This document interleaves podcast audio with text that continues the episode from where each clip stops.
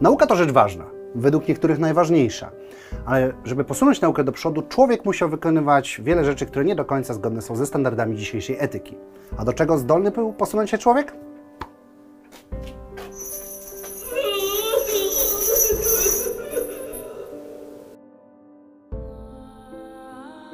Eksperymenty naukowe mają to do siebie, że musi im przyświecać jakiś cel, idea sprawdzenia czegoś bądź zweryfikowania jakiejś teorii. Jednak niektóre teorie, które stworzyliśmy, były bardzo trudne do sprawdzenia na ludziach, jak na przykład działanie różnorakich toksyn czy też próżni. Wiedzieliśmy, że te rzeczy są śmiertelne, jednak nie testowaliśmy ich na ludziach, bowiem naukowcy również stosują się do zasad etyki. Wspomniana jednak etyka jest wynalazkiem stosunkowo nowym i jeszcze do niedawna niektóre ośrodki badawcze nie stosowały się do jej zasad. Nieetyczne eksperymenty w czasie II wojny światowej przeprowadzała m.in. Japonia. Wyjątkowym okrucieństwem wykazywała się jednostka 731, działająca w latach 1942 do 1945 roku.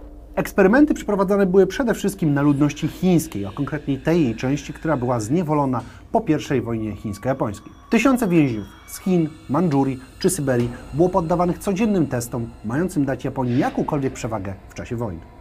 Zarażano ich chorobami, takimi jak dżuma czy syfilis, a następnie dokonywano wiwisekcji, czyli rozcinano ich organizm żywcem, żeby sprawdzić, jakie skutki przyniosły owe choroby. Same wiwisekcje prowadzone były regularnie, tak aby sprawdzić, jakie uszkodzenia może przyjąć człowiek przed wykrwawieniem, a w konsekwencji również i śmiercią. Okrucieństwo miało różne oblicza. W niektórych przypadkach odcinano ludziom kończyny lub pozbawiano ich organów wewnętrznych. W innych zaś wprowadzono ludzi do komór próżniowych, gdzie sprawdzano, jak zachowa się ludzkie ciało w przypadku braku powietrza oraz ciśnienia. Poddawano ich gigantycznym przeciążeniom, a do tego testowano na nich nowe uzbrojenie. Podawano im trucizny. Sprawdzano na nich działanie różnorakich gazów bojowych, miotaczy ognia, eksplozji granatów, czy też noży i magnetów. To wszystko to jednak zaledwie wierzchołek gór lodowych, bowiem więźniowie w obozach codziennie byli poddawani testom, które tylko przesuwały granice w stronę bezmyślnego zadawania cierpienia ludziom. Aby zobrazować skalę owego cierpienia, istniał tam eksperyment, który polegał na wstrzykiwaniu krwi zwierzęcej zdrowym ludziom. Gdy wojna chyliła się już ku końcowi, większość danych badawczych, które zostały uzyskane w tym obozie, zostały zniszczone w obawie przed wyciągnięciem konsekwencji. Japończycy przyparci do muru po podpisaniu aktu bezwarunkowej kapitulacji oddali pozostałe dane Amerykanom, a ci przetrzymują je w ukryciu aż do dziś. Działanie jednostki 731 po dziś dzień jest powodem wstydu dla Japończyków, a wyrazem tego mogą być m.in. regularne przeprosiny japońskiego rządu. Innym przykładem nieludzkich eksperymentów jest na przykład to, co zrobiła trzecia Rzesza, a konkretniej dr Mengele. Próbował on odtworzyć proces powstawania bliźniaków syjamskich, na przykład przez zszywanie zdrowych dzieci ze sobą. Jego chora fascynacja bliźniakami manifestowała się m.in. tym, że zadawał obydwu ten sam ból i sprawdzał, czy odczuwają go tak samo. Zadawanie bólu było jednak preludium do makabrycznych eksperymentów polegających na przeszywaniu kończyn pomiędzy bliźniakami, tak aby sprawdzić, czy w teoretycznie identycznych organizmach owe przeszczepy się przyjmą. Wstrzykiwał również bakterie prosto do szpiku kostnego, żeby sprawdzić, jak będzie rozprzestrzeniać się infekcja. I wszystkie te rzeczy wykonywał bez nieczulenia. Niektórych ludzi zamrażano, żeby sprawdzić, jak niskie temperatury wytrzyma ludzki organizm. Innych bito po głowie mechanicznymi młotkami, żeby sprawdzić, po ilu uderzeniach wywoła się w człowieku szaleństwo. Zarażano ludzi malarią, tyfusem czy grypą, żeby sprawdzić, kiedy ludzki organizm wytworzy na nie odporność. Niektórych więźniów traktowano gazem musztardowym, aby sprawdzić jego skuteczność. Na innych testowano toksyny, trucizny, a także bomby zapalające. Wiele osób było sterylizowanych za pomocą radiacji, a także środków chemicznych. Większość dokumentacji zostało zagarnięte przez Amerykanów, podobnie jak w przypadku jednostki 731, jednakże tutaj do rozdziału łupów dołączyli również Sowieci. Obydwie nacje zgodnie stwierdziły, że było to najbardziej wstrząsające odkrycie wojny. I do dziś wyniki badań tkwią głęboko w archiwach. Nawet atlas anatomiczny, narysowany na podstawie ciał znajdujących się w obozach koncentracyjnych, jest rzeczą skrzętnie ukrywaną, mimo że uznawany jest za jeden z tych najdokładniejszych.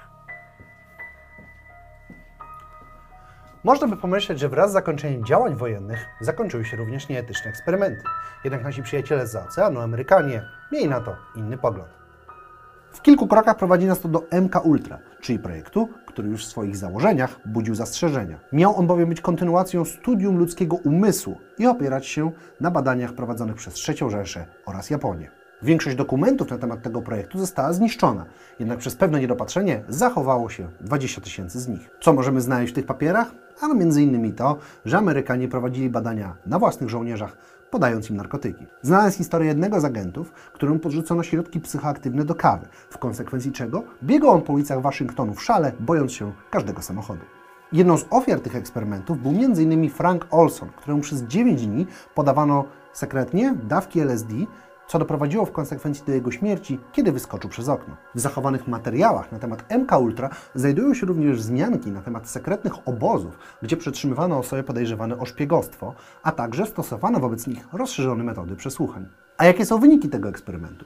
Nieznana ilość zmarłych, niezliczona ilość osób uzależnionych od substancji psychoaktywnych, a także setki, a jeśli nie tysiące ludzi z złamanymi życiorysami i z brakiem perspektyw na normalne życie. Podejrzewa się, że Ted Kaczyński, Una Bomber, terrorysta, który wysyłał ludziom bomby, był właśnie obiektem testowym projektu MK Ultra.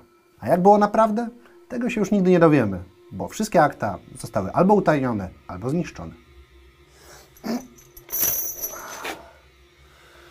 Mieliśmy eksperymenty na własnych obywatelach, mieliśmy eksperymenty na wojnie, ale przecież nikt nie zrobi krzywdy dzieciom, prawda?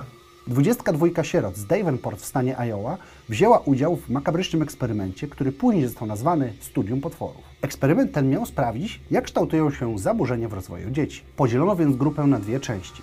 Z pierwszą z nich pracowano indywidualnie, chwalono oraz nagradzano. Druga grupa miała znosić regularnie wyszydzania, obrażania i wyśmiewania ze strony osób, które się nimi zajmowały. Efekty?